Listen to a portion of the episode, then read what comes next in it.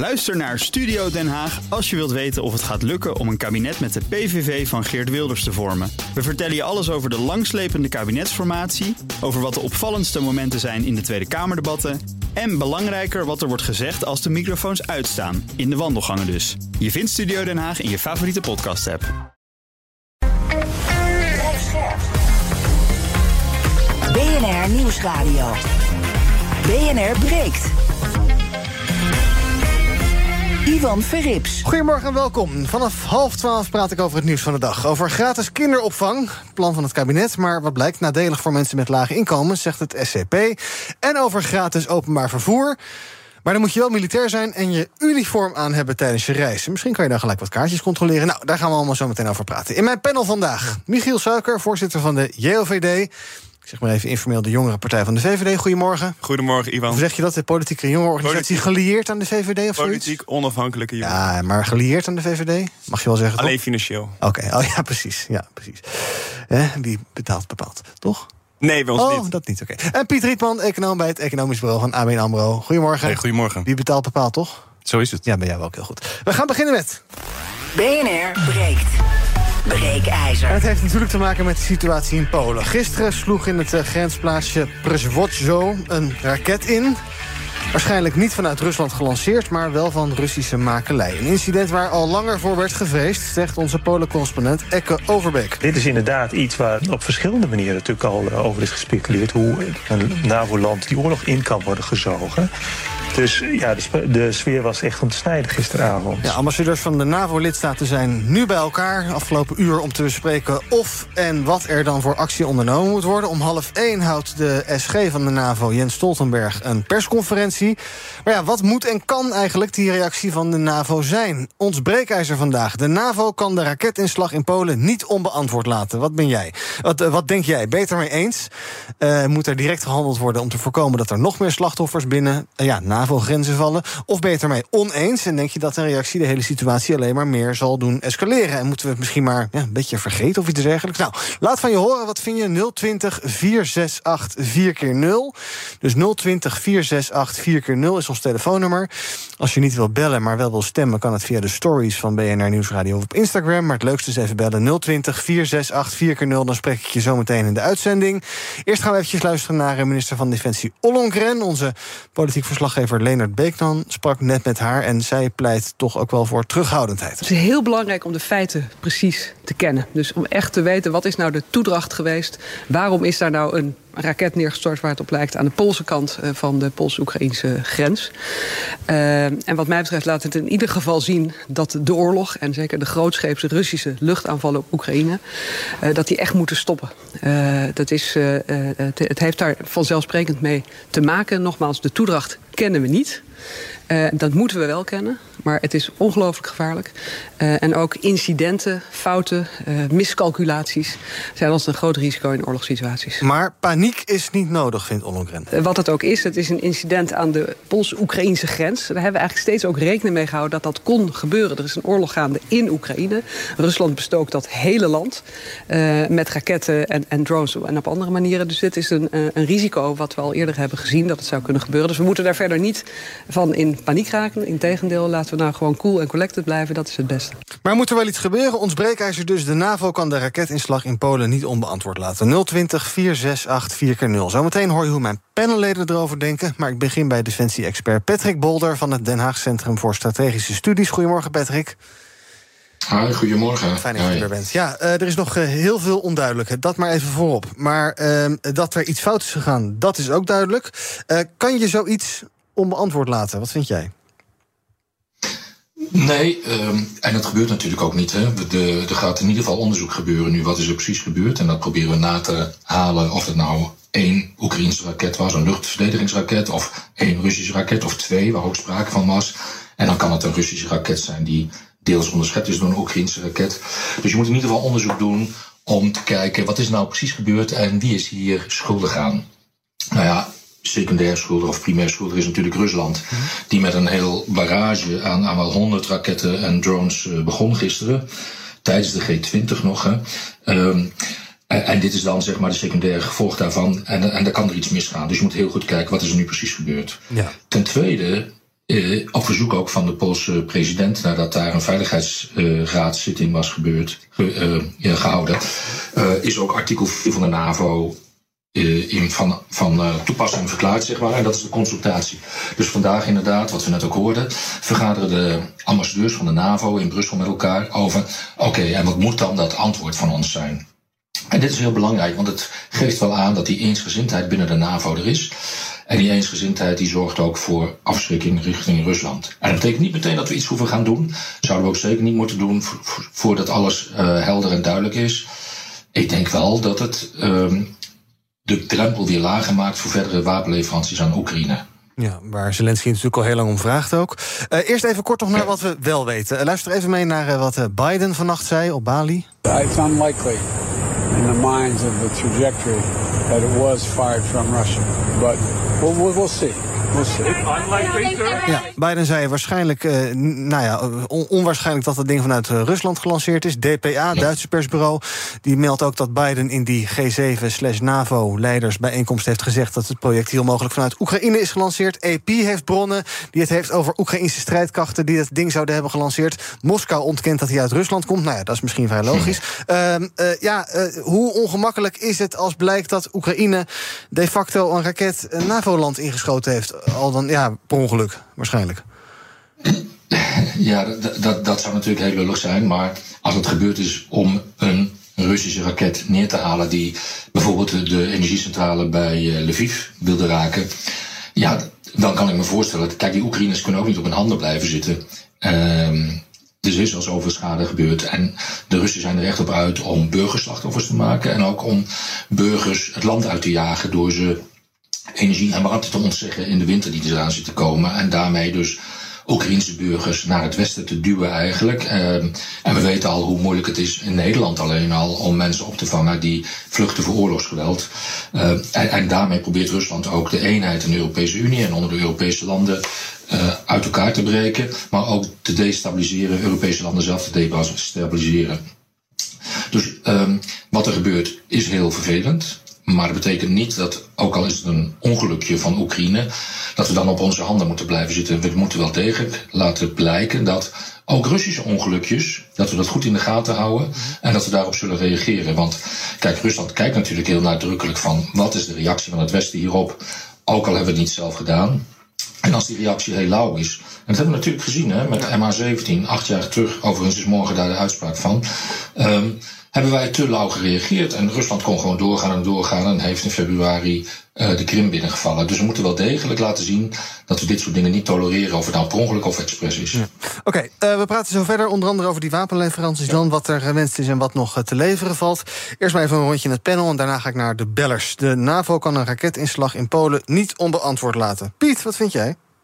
Nou, ik luister altijd graag naar experts als het ergens over gaat uh, waar ik geen verstand van heb. Maar uh, ik, ik, ik begrijp het verhaal inderdaad van onze expert dus heel goed. Dat hij zegt uh, van ja, alles is eigenlijk een reactie. En dat vind ik in, in deze tijd, uh, in deze fase, vind ik dat ook heel logisch. Dus we weten niet of het afweergeschut is of een raket. En we weten niet of het per ongeluk of expres is. Mm -hmm. Lijkt me dat je dat soort dingen wel eerst even moet weten voordat je kijkt wat, wat we daarna doen. Dus ik vind dat een verstandige reactie. Ja, maar dat je, je hoort nu natuurlijk reacties van alle kanten van politici die met verklaringen komen. Ik zie ze door doorlopend voorbij komen via Reuters en Bloomberg en AP enzovoorts. Je zou kunnen zeggen, nou doe dat ook maar even niet, maar wacht maar eventjes tot er wat meer bekend is. Maar ja, er wordt wel, je voelt de onrust wel, toch? Ja, maar ja. ook nogmaals, uh, zoals hij net ook zei, uh, op een moment dat, dat Rusland zoiets doet of, of dat het gebeurt per ongeluk, zullen zij ook kijken wat de reactie hier is. Ja. En daar op hun volgende acties baseren. Dus het is wel slim als je tegengas geeft natuurlijk. Michiel, um, kan het niet onbeantwoord laten? Ja, ik, ik ben het ook met je eens wat de expert zegt. Alleen wat ik heel erg belangrijk vind om hier te zien... is dat uiteindelijk is dit gewoon een gevolg van de gehele oorlog. En zien we hier nu gewoon op ons eigen NAVO-grondgebied... dan ook uiteindelijk die weerslag. En dat is eigenlijk het... Dan gaat het pas echt leven natuurlijk nu. En nu zijn we dan zelf allemaal bang.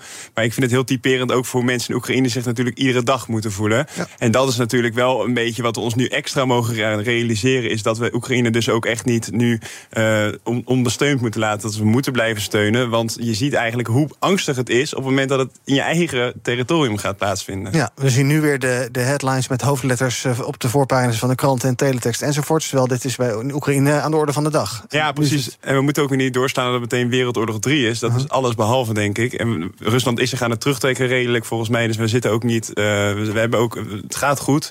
Maar het bevestigt alleen maar even hoe goed we Oekraïne moeten blijven steunen. Ja, Patrick, een vraagje nog voordat ik naar de bellers ga. Is er, is er bij de NAVO en misschien ook bij Amerika, denk jij, inmiddels meer bekend dan wij weten? Wordt er misschien informatie, nou ja, ja achtergehouden? Klinkt alsof het allemaal een complot is. Maar wordt er, wordt er misschien dingen niet gemeld om escalatie te voorkomen?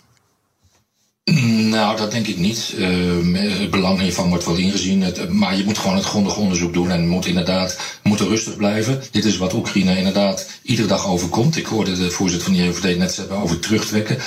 Dat is natuurlijk een beetje eufemistisch. Eh, Rusland wordt op gewoon punten verslagen. Hè, en ze moeten wel wegtrekken uit gebieden. Maar goed, dat is een eh, detail. Eh, we gaan naar de bellers. Kijken hoe ze reageren. 020 468 4 keer 0 Even kijken wie er het langst aan de telefoon hangt. Meneer of mevrouw Timmermans, goedemorgen.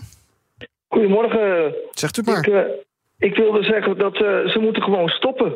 Kijk, ik snap het wel. Maar eh, ik ben zo bang dat, eh, dat zometeen... eh, nou is het Polen, straks is het Nederland. Ik bedoel, eh, ze moeten gewoon, gewoon, gewoon stoppen. Ik bedoel... eh, Met die hele oorlog. Straks, straks- ja, maar- ja, maar wij zijn zo meteen, straks zijn wij zo meteen de pineuten. Daar, en daar eh, maak ik me wel zorgen om. Dat het steeds dichterbij komt. Ja, Ja. En wie is er dan eh, wie is er aan zet om te stoppen? Rusland. ja Rusland vooral. Heel goed, dank voor het bellen. Meneer de Boer, goedemorgen. Ja, goedemorgen. Zegt u Ja, als een NAVO-land eh, bommen gaat strooien, ja, dat kan niet onbeantwoord blijven. Hè? Eh, als blijkt dat Rusland hier verantwoordelijk is, ja, dan denk ik toch eh, eh, dat we moeten overwegen om eh, ja, Rusland toch maar eens eh, uit de NAVO te zetten. Rusland zit niet in de NAVO, geloof ik. Dat is het hele probleem. Ja, daarom. Ja. Eruit. Precies, ja. Maar ja, als je er dan niet erin zit, dan kan je er moeilijk uit, toch? Dat is. In ieder geval niet erin, du- duidelijk. Dank voor het bellen. Dimitri, goedemorgen. Goedemorgen, je spreekt met Dimitri. Hallo, zeg het maar. Eh, nou, ik denk dat, eh, dat we eerst moeten weten of, er, eh, of dat bewust is, of het een bewuste aanval is. En als dat zo is, eh, dan denk ik dat je iets met een no-fly zone eh, boven Oekraïne of zoiets moet, eh, moet doen. Dat is een defensieve actie. Te zorgen dat er geen raketten meer naar ons toe komen. Maar je moet wel wat laten zien. Ja, duidelijk, dank. En die no-fly zone, daar is al eerder toe opgeroepen. Onder andere door Zelensky. Die gaan we zo nog even bespreken. Toen, toen was de vraag, ja, wie gaat dat handhaven dan? En kan dat wel? Nou, ehm, eh, gaan we zo bespreken ook nog eventjes met Patrick Bolder... hoe haalbaar dat is. Twee bellers nog eventjes. Michel, goedemorgen. Goedemorgen. Zeg het maar. Ehm, ja, mijn standpunt is ten, ten eerste geen paniek zaaien en even, even op de plaats passen en dan eh, eerst eens een onderzoek plegen. Nou, de vraagstelling waar bij mij naar boven komt is, als ze toch weten dat je aan de rand van een conflictgebied zit, waarom wordt er geen materieel opgesteld, zodat als er een projectiel fout gaat, dat dat kan opgevangen worden door de eigen strijdkrachten? Mhm. Dat vind, ik, eh, dat vind ik wel een dingetje, want we sturen wel alles naar Oekraïne, wat heel goed is wat ik ook steun. Ja. Maar waarom zorgen we niet voor onze eigen veiligheid in de eerste instantie aan de, aan de rand van het conflictgebied? Ja, Want het is wel techniek en het kan altijd misgaan. Wat gebeurt er aan die grenzen? Gaan we zo nog even bespreken. En tot slot, Wahid, goedemorgen. Goedemorgen. Maar ik, eh, het, het wordt wel, er moet echt een antwoord voor zijn en eh, er moet ook eh, goed nagekeken. Mijn vraag is, stel maar dat wordt bewezen dat Oekraïne achter zit, eh, omdat Oekraïne geen lid van NAVO is, eh, wat, wat, wat- wat zou de ant- antwoord kunnen zijn? Het zou kunnen zien als een agressie, want dat is geen lid van NAVO, of, of een vergissing. Maar, ja, precies. Maar dan moet je eerst weten of het agressie of een vergissing is. Maar ja, heeft, heeft Oekraïne redenen om eh, Polen aan te vallen? Ik denk het niet, toch? Eh, maar stel maar dat het Oekraïne aanvalt in een NAVO-land. Ja. En eh, zou, zou dat kunnen zijn, of, of volgens regels, is het nou een agressie of een vergissing? Ja, precies. Oké, ga ik bespreken. Dank voor het bellen, Wahid. BNR breekt. Ivan Verrips. In het panel vandaag Piet Rietman, econoom bij ABN AMRO... Michiel Suiker, voorzitter van de JOVD. Ook bij me is Patrick Bolder, defensie-expert aan het HCSS. We praten over ons breekijzer. De NAVO kan de raketinslag in Polen niet onbeantwoord laten. Wil je reageren? Pak je telefoon, bel 020 468 4 keer 0 Ehm, ja, eh, eerst maar even die laatste vraag, Patrick. Stel, het is Oekraïne, in welke vorm dan ook. Eh, dan is het niet per se een eh, artikel 5, aanval op één, aanval op alle enzovoorts, toch? Dat hoeft allemaal niet. Het kan ook, ja, ongelukje is Nou, iets anders dan een... jawel. On- ongeacht de agressor is het natuurlijk zo dat een aanval op de NAVO, op een van de NAVO-lidstaten, een aanval op het hele NAVO-grondgebied is. Ehm, dus, dus dat is inderdaad zo, dat maakt het niet uit. Ehm, maar, maar die kans dat Oekraïne dat met opzet heeft gedaan, dat lijkt me inderdaad erg klein. Eh, je zou kunnen zeggen, ze willen natuurlijk graag dat Polen en de NAVO actiever eh, de strijd tegen Rusland doet. Maar dit zou wel een hele domme methode zijn om die activiteit eh, erbij te betrekken. Dus ik ga er niet van uit.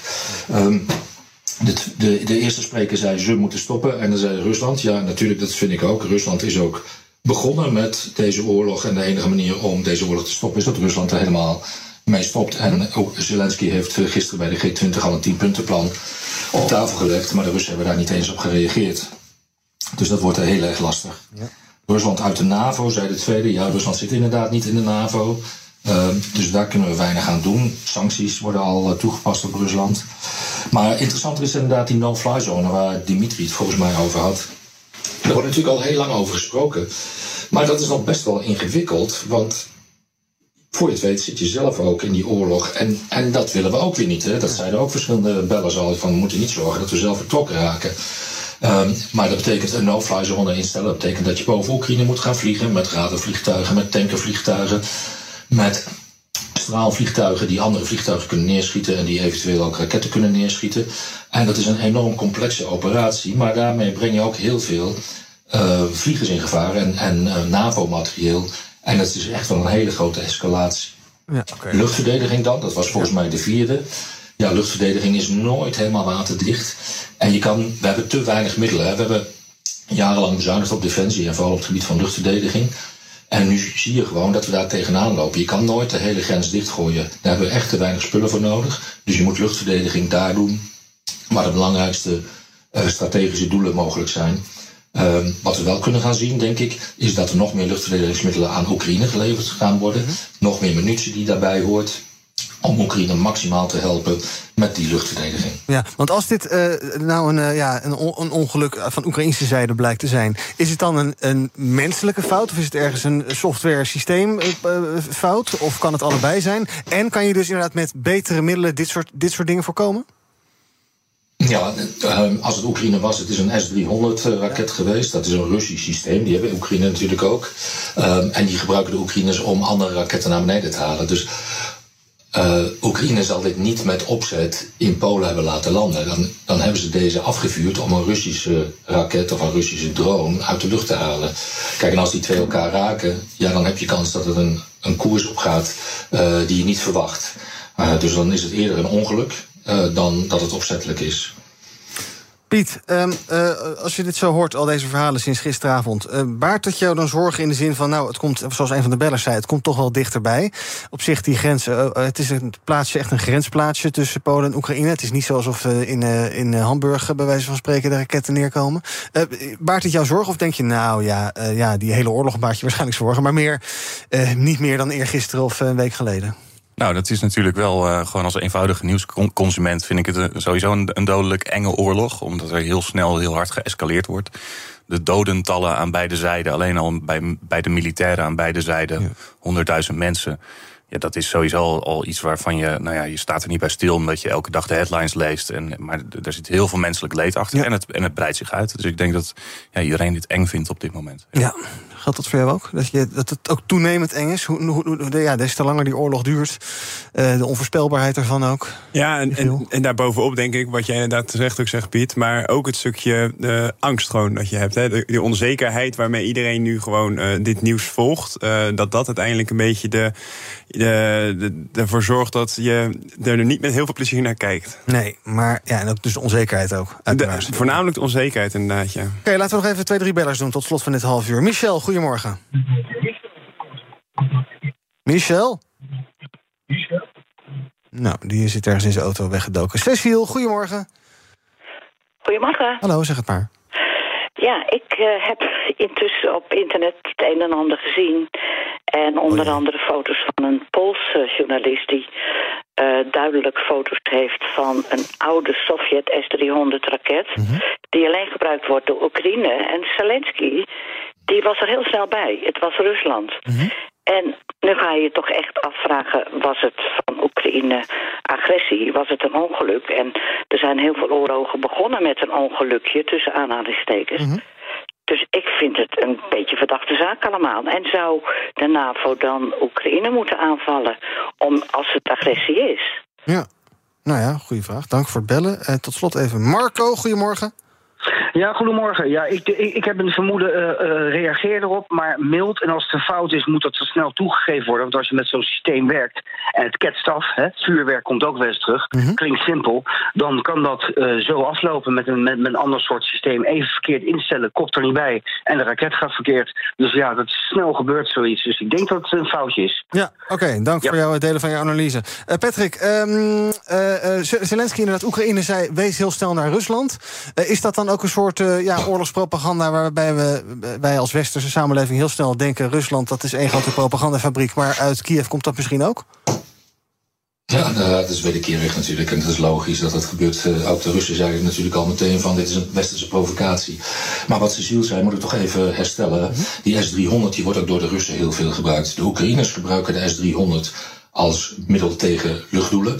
De Russen gebruiken hem ook als middel tegen luchtdoelen. Maar die hebben hem ook aangepast om tegen gronddoelen te worden ingezet. En dat hebben we ook al heel vaak gezien. Dus zeggen dit is een S-300, dus het is Oekraïens. Dat is veel te snel. Ik ben het wel eens. We moeten inderdaad heel grondig onderzoeken wat is er nou precies gebeurd. Eh, We moeten de beelden van de Poolse radarinstallaties die de luchtverdediging van Polen eh, organiseren, moeten we heel nadrukkelijk en heel nauwkeurig gaan analyseren. En inderdaad, als het Oekraïne blijkt te zijn en er is geen goede verklaring voor, ja, dan moet daar heel snel excuses komen. Maar ik denk dat de verklaring gewoon is van, ja, weet je, er kwamen honderd raketten op ons af. Ons luchtverdedigingssysteem is verzadigd geweest. We moesten alles doen om onze eigen mensen te redden. Heel vervelend dat dit gebeurd is, dat deze afzwaai er is gebeurd. Ehm, en Polen maakt het nu één keer mee met twee doden, maar wij maken dat dagelijks mee met honderden doden. Ehm praat het natuurlijk niet goed, maar het is wel een beetje eh, symbolisch wat er gebeurt. Ja, En daarmee damage. komt het dichterbij. Ja, ja, maar daarmee komt het dichterbij. Maar voelen we ook inderdaad, wat ook een van de inbellers zei, hè, van ja, luister eens, wij zitten hier veilig en het moet hier ook niet komen, maar het kan hier alleen maar niet komen als wij Oekraïne blijven steunen in deze strijd. Want daar gaat het om. Hè? En, en alles is nu vervelend in deze oorlog. Alles is duur aan het worden. Maar ik zeg maar steeds, de brandstof hier is duur, maar onze vrijheid is onbetaalbaar. En als wij nu niet Rusland stoppen, dan hebben we straks ook geen vrijheid meer. Patrick Bolder, dank voor deze laatste woorden. Defensie-expert aan het Den Haag Centrum voor Strategische Studies. En eh, fijn dat je weer bij ons was voor jouw eh, broodnodige duiding. Op Instagram is het een beetje 50-50. Nou, inmiddels eh, 60% oneens, 40% eens. De NAVO kan de raketinslag in Polen niet onbeantwoord laten. Daar kan je nog de hele dag van je laten horen. En zometeen ga ik met Michiel en Piet verder praten over al het andere nieuws van de dag. Over de kabinetsplannen voor kinderopvang. Dat moet namelijk allemaal gratis worden. Maar dat blijkt in het nadeel van mensen met een laag inkomen te zijn. hey, is dat handig? Nee, misschien niet echt. Of toch wel? Nou, hoor je zo meteen. En we hebben het over jongeren. Want weten zij eigenlijk wel hoe ze met geld om moeten gaan? SMS-bank denkt van niet. En wat kan daar allemaal aan gebeuren? Allemaal zometeen in het tweede deel van BNR Breek. Tot zo. Ook Bas van Werven vind je in de BNR-app. Ja, je kunt live naar mij en Iwan luisteren tijdens de ochtendspits. Je krijgt een melding van Breaking News. En niet alleen onze podcast Ochtendnieuws, maar alle BNR-podcasts vind je in de app. Download nu de gratis BNR-app en blijf scherp.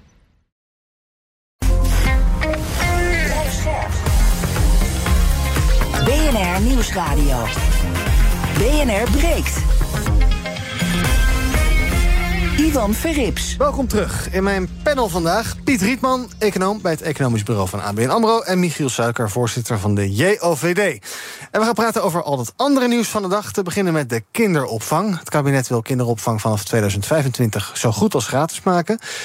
Maar dat is nadelig voor mensen met een laag inkomen, denkt het Sociaal en Cultureel Planbureau. En ook zet het SCP vraagtekens bij het argument dat het plan meer mensen aan het werk krijgt. Want voornamelijk mensen met een hoger inkomen. Die werken al veel dagen en zouden met goedkopere opvang niet per se nog meer kunnen gaan werken. En dus ben ik benieuwd, zeker ook even met een eh, politicus, aanstaand politicus, achtig typje, en een econoom in mijn panel. Hoe zij erover denken. Begin even bij de econoom. Piet, ehm, kinderopvang gratis. SCP zegt van ja, ja, één, het wordt eigenlijk helemaal niet gratis. Sta je daar niet blind op. En twee, de winst die te behalen valt. Mwah, dus ook nogal uh, dubieus. Ja, het is een gek systeem als je er naar kijkt. Dus er is een van tevoren vastgesteld uurbedrag. en daarvan wordt 96% vergoed. En, maar vervolgens um, ja, kunnen de tarieven natuurlijk gewoon in de markt oplopen. Dus uh, uiteindelijk gaat er subsidie naar bedrijven uh, via, een, uh, via een omweg. Hè. Dus die, die, die markttarieven kunnen oplopen door, um, nou ja, doordat er een toenemende vraag is. En de vraag neemt toe doordat er gesubsidieerd wordt. Dus ik vind dat een, een gek systeem. Ja. Uh, je zou moeten kijken, en dat is meer een politieke dan een economische vraag, naar van oké, okay, vinden wij dat dit aan de markt toebehoort? Uh -huh. uh, of vinden wij dat dit iets collectiefs is? En dan zou je het misschien gewoon als dienstverlening helemaal gratis moeten maken. Klinkt radicaal, maar we hebben natuurlijk heel veel dingen in Nederland die gratis zijn en mm -hmm. voor, voor iedereen beschikbaar. Uh, en ook duur. Ja. Uh, dat is bijvoorbeeld onze veiligheid, dat is bijvoorbeeld uh, onze basiszorg. En vinden wij dat het in die categorie behoort, dan zouden we het gratis kunnen maken. En ja, dat, dat kost geld, want er zijn personeelstekorten daar bij die opvang. Dus je moet ook zeker de mensen daar beter belonen. Maar als we met z'n allen vinden dat dit nodig is, dan moeten we het zo oplossen, denk ja. ik. En niet met zo'n subsidie. Want dit is eigenlijk, het idee is natuurlijk dat die kinderopvangtoeslag hierdoor in de nek om wordt gedraaid. Dat je dat, dat, dat probleem ook niet meer hebt. Ja. Maar dit zet dus ook niet genoeg zoden aan de dijk, wat jou betreft? Nou, dit is ook in ieder geval geen. Nou ja, kijk, de toesla het probleem van toeslagen is dat dat uh, over het algemeen uh, tot heel veel bureaucratie leidt. En totaal geen simpel systeem is. Dus inderdaad moet je op de een of andere manier daar vanaf. Uh, het probleem van dit uh, systeem is volgens mij, ja, het is voor lage inkomens allemaal moeilijk betaalbaar. En er gaat geld van publiek naar privaat. Ik denk dat het juist andersom moet. Michiel Suiker. Ja, Iwan. Wat vind jij? Ik vind. Ben je voor uh, gratis kinderopvang? Ja, daar wilde ik inderdaad mee beginnen. Ik vind inderdaad dat kinderopvang gratis moet zijn. Uh, en dan sluit ik eigenlijk aan bij het punt dat je dan maar gewoon de hele dienstverlening gratis moet maken. Mm -hmm. Met de gedachte, en dat komt vanuit het liberale kansengelijkheid verhaal. Maar heel simpel gezegd gaat het erover dat als je bent geboren, moet iedereen gewoon vanaf het eerste moment dezelfde scholing kunnen krijgen. En dat betekent dat je gewoon allemaal naar die crash kan gaan. Uh, en dan moet nou niet die 96% die ze nu voorstellen als voorschot, los dat niet op. Want een vermogende ouder die zorgt er dan weer voor dat hij dan nog naar net iets betere school of een uh, crash gaat. Om er dan weer voor te zorgen dat uh, die toch met die 96% nog net iets beter zijn kind kan begeleiden. Uh -huh. Dus ideologisch vind ik dat kinderopvang gratis moet zijn. Het risico is wel, en dat werd ook aangekaart, is dat op het moment dat je het gratis maakt en er natuurlijk heel veel vraag gaat komen. En we hebben die tekorten, waardoor weer de kwaliteit kan verlagen. Dus de, wat ik heel belangrijk vond vanuit het rapport, is dat je moet durven kijken van oké, okay, 2025 hebben we nu neergezet. De regeling moet goed zijn, dat is A. Maar B, hoe gaan we ervoor zorgen dat er ook voldoende mensen in de kinderopvang werken, die dan vervolgens ook al die kinderen, hè, die stijgende vraag, kunnen gaan uh, opvangen. Ja, want het een heeft geen zin zonder het ander. Nee, het een heeft geen zin zonder het ander. Want uiteindelijk zorg je er dan voor dat we uh, er alleen maar op achteruit gaan. Ja, en dus jij zegt uh, liberaal om te denken... iedereen moet dezelfde kans hebben. Ja. Misschien is het ook wel... Uh, ik dacht dat de marktwerking ook bij jullie heel belangrijk was. Maar ja. dat zou je dan hier toch ook kunnen zeggen... van laat de markt het maar lekker uitvechten. Ja, ik zat al bijna weer te wachten op jouw beruchte vraag... hoe gaan we het betalen? Ja, het betalen is ook een goede vraag. Ja, en, en wat je gaat zien is dat doordat we uiteindelijk... die kinderen naar de kinderopvang brengen... hebben die kinderen diezelfde kans gekregen. Maar je gaat er ook van uit dat een logisch gevolg is. Hè, dat dan ook uh, volgens die markt ook meer mensen gaan werken. Wat uiteindelijk ook weer zal leiden tot hogere belastingopbrengsten. Dus het is het een sluit het ander ook helemaal niet uit dat het van privaat naar publiek gaat. Ik denk dat het twee kanten op gaat hiermee. Ja, en misschien ook als je dus kinderen een betere vooropleiding of nee, een betere start geeft. Dat helpt misschien ook weer bij het verdere onderwijstraject. En die gaan dan later meer werken. Gaan ja. in een betere opleiding wellicht. Nou ja, dat is ja. een beetje Jan Boerenlul uh, gedachte. Uh, uh, Piet, zou je niet moeten kijken dat uh, ook hier je specifiek mensen met lagere inkomens of weinig vermogen meer moet helpen dan mensen met die, die bij wijze van spreken twee ton per jaar verdienen? Die kunnen prima zelf betalen. Ja, dat vind ik dus niet. Dat is een beetje een. Uh, ja, je kijkt... Dat hoor ik nu heel erg, heel ja. erg bij alle, bij alle compensatieregelingen. We moeten maatwerk denken. En we moeten uh, zorgen dat geld, nodig, geld terechtkomt waar het nodig is. Ja, um, wat ik zeg, als je twee of drie ton per jaar verdient, ja, dan heb je, kan je het prima zelf betalen. Ja, ik, nou ja, ik ben voor een economie die meer geniveleerd is. Hè, waar uh, minimumloon en uitkeringen een stuk hoger zijn. En waar weer, we weer een, fatsoenlijk hoog tarief inkomstenbelasting krijgen. Vermogen goed belasten. Maar ik vind niet dat je met uh, publieke voorzieningen moet nivelleren eigenlijk. Want het gebruik van publieke voorzieningen heeft ook draagvlak nodig. Dus neem even als voorbeeld de AOW of studiefinanciering. Ja. Stel dat dat alleen iets zou zijn waar je gebruik van zou kunnen maken als je een laag inkomen hebt of gehad hebt. Of je ouders dat hebben. dan brokkelt het draagvlak bij anderen daarvan af. Met name bij de, bij de middenklasse. Uh, bij mensen die misschien één, twee of drie generaties terug uh, echt gebruik moesten maken van socia sociale voorzieningen. Nu is het misschien niet meer per se nodig. Bij die mensen is democratisch draagvlak nodig voor, voor die voorzieningen, denk ik. En dat geldt ook gewoon voor die kinderopvang. Ik denk dat we heel snel van gratis kinderopvang, als we überhaupt op dat punt aan, aanbelanden, dat we ook heel snel weer vanaf zijn als we het inkomensafhankelijk maken. Want ja, die, de mensen die het dan niet gebruiken, steunen die dat dan nog bij verkiezingen bijvoorbeeld? Ja, dus dit soort ba basisvaardigheden wat jou betreft voor iedereen. Juist. Dus vaardigheden, uh, uh, voorzieningen, dat bedoelde ik. Ja. Ander nieuws van vandaag. Als het aan D66 ligt, wordt het makkelijker voor het OM om een politieke partij te verbieden of te laten verbieden.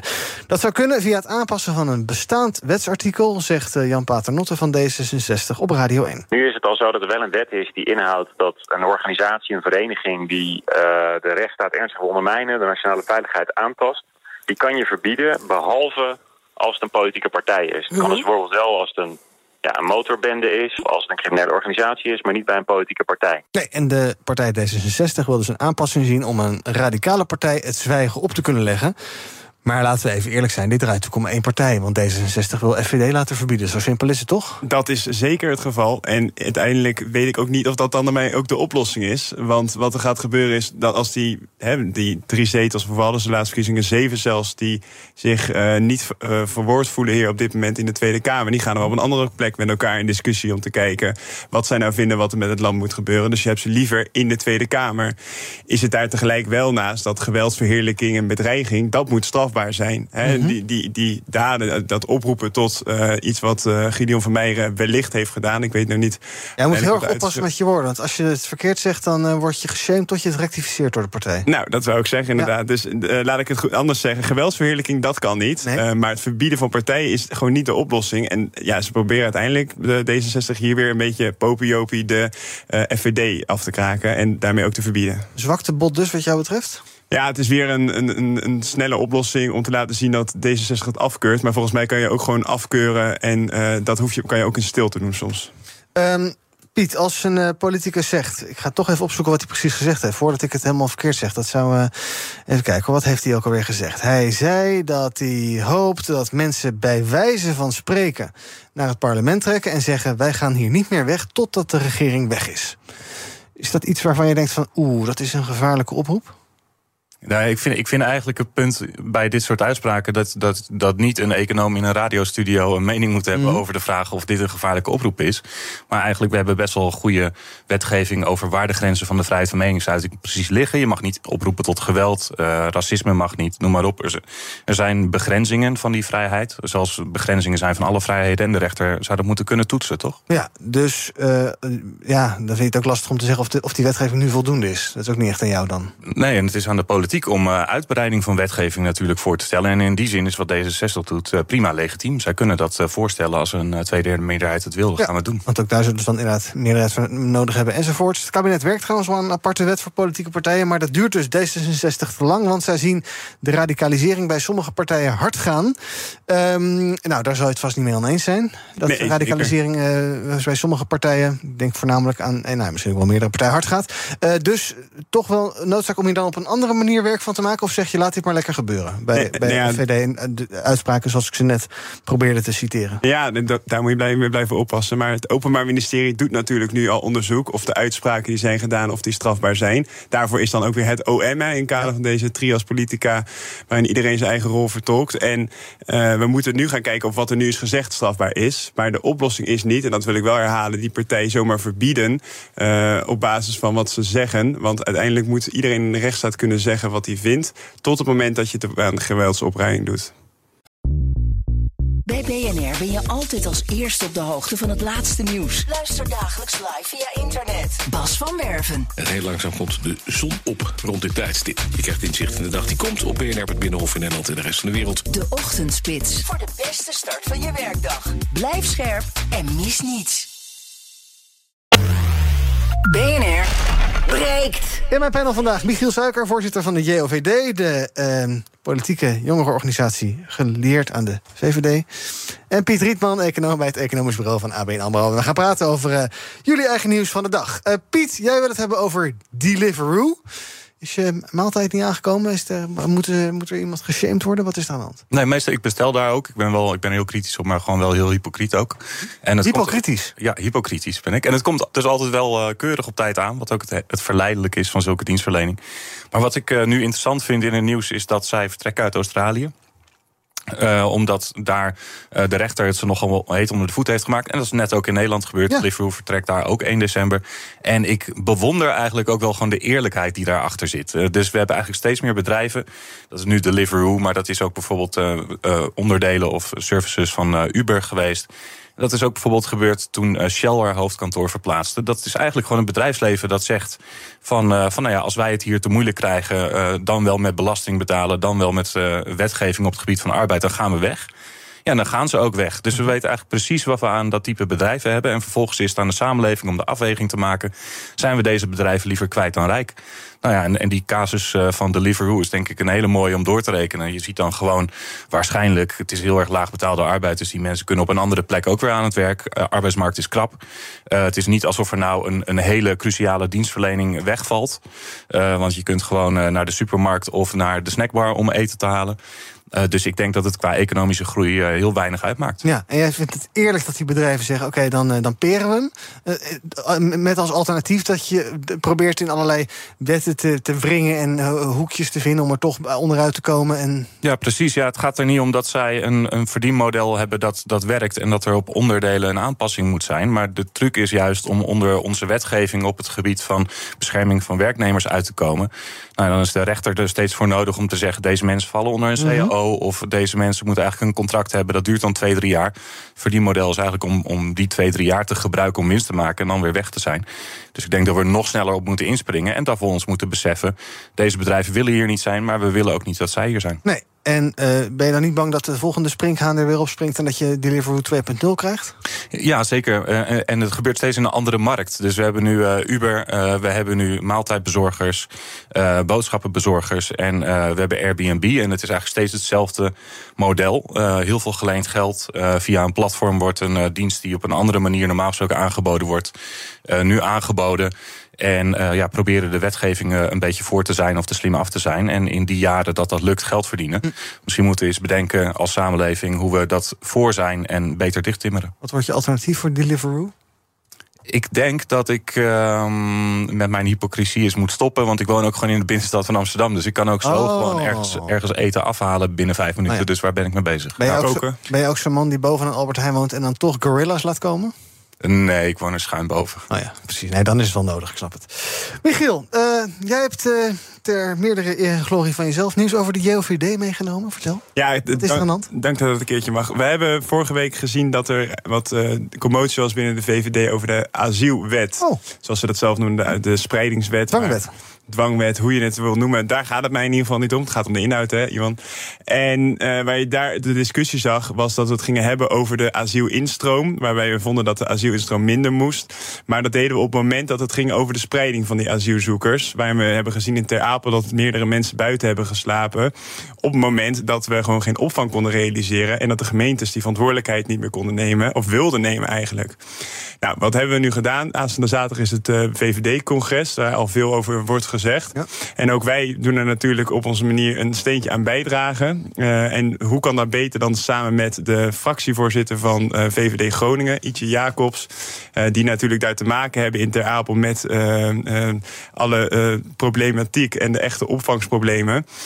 over een motie waar wij oproepen van zorg er nou voor dat je de asielzoekers verspreidt over het land. Op het moment dat de gemeentes niet meer de opvang willen -hmm. op zich nemen. Dan?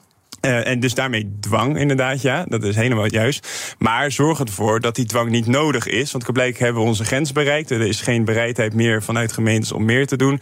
Nou, dan is de enige oplossing om uh, de asielinstroom te verminderen. Dus ga dat ook doen. Hè. Dus het is een tweeledig verhaal. Uh, waarbij we oproepen tot, denk ik, de meest liberale oplossing. Mm -hmm. Want we zorgen ervoor dat we ieder individu de vrijheid be laten behouden. Hè. Dus niemand die oneer, zo onwaardig op straat slaapt.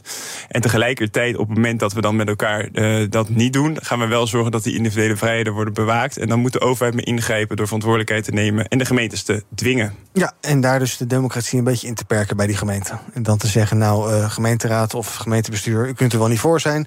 Maar daar komt een bus aan en succes ermee. Ja, we doen heel erg alsof gemeentes, soort van uh, en gemeentes, provincies en overheid, dat dat verschil, dat noemen we het Huis van Torbekke, dat dat een soort heel groot ding is, staatsrechtelijk gezien. Dat is het ook. Alleen volgens mij is vanuit liberaal perspectief gewoon de opvatting dat we vinden dat de overheid, en welke instantie dat dan ook hm. doet, de vrijheden van individuen beschermt.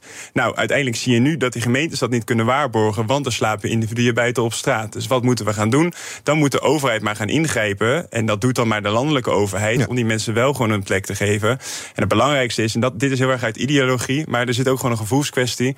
We moeten daar ophouden met, uh, als, als VVD'ers, maar de, de, daar hoor ik dan niet bij, maar in ieder geval het liberale zeggen van iedereen moet maar onbeperkt vrij zijn.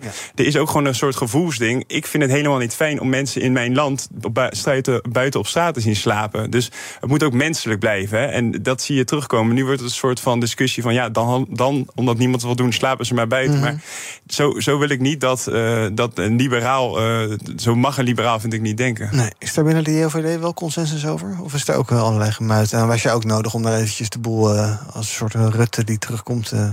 Nou, we, we, hebben een standpunt bepaald. En dit is wel een onderwerp waar we niet heel breed uh, eensgezind over zijn. Dus dat, uh, is, we nemen een standpunt in. En ik denk dat dat het standpunt van de meerderheid is. Maar wat heel goed is bij de JOVD is weer dat we dan op algemene vergaderingen dit soort stellingen weer met elkaar gaan vaststellen. Of we het daar ook echt mee eens zijn. Want op die manier bewaak je ook dat je echt de juiste keuzes maakt die wij als vereniging vinden. En niet alleen omdat ik als landelijk voorzitter dat vind. Ik vind het wel eerlijk.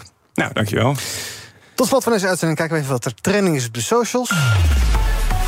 Ja, we hebben helemaal niet besproken nog deze uitzending, maar er was ook nog nieuws over de Donald. In order to make America great and glorious again, I am tonight announcing my candidacy for president of the United States. Ja, hij gaat het opnieuw doen, althans zich opnieuw kandidaat stellen.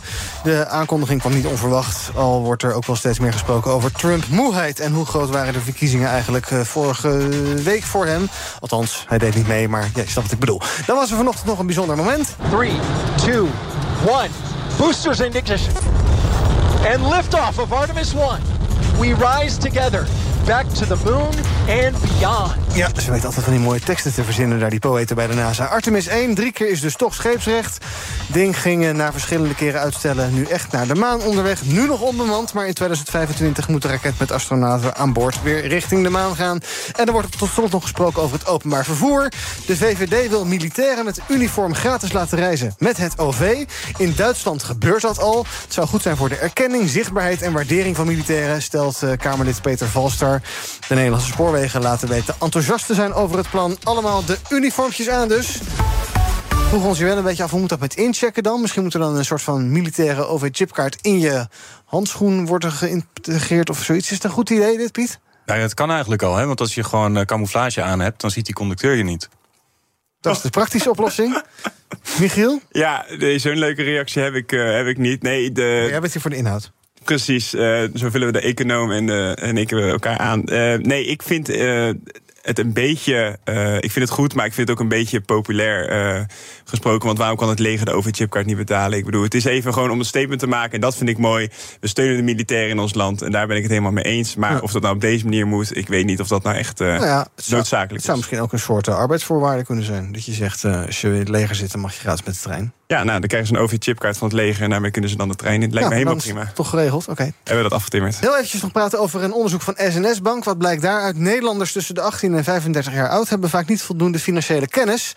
Grootste pijnpunt, moeilijke taal en ingewikkelde communicatie... en daardoor maken zij niet de juiste keuzes... met alle risico's van dien. En daarom trekt de bank aan de bel met een meldpunt en dergelijke. Het gaat om woorden als uh, ja, annuïteiten, hypotheek... en sommige jongeren weten, jongeren weten ook eigenlijk helemaal niet... wat een aandeel precies inhoudt en wat inflatie inhoudt... en het is te ingewikkeld en de Belastingdienst zet allemaal moeilijke woorden in brieven en dergelijke.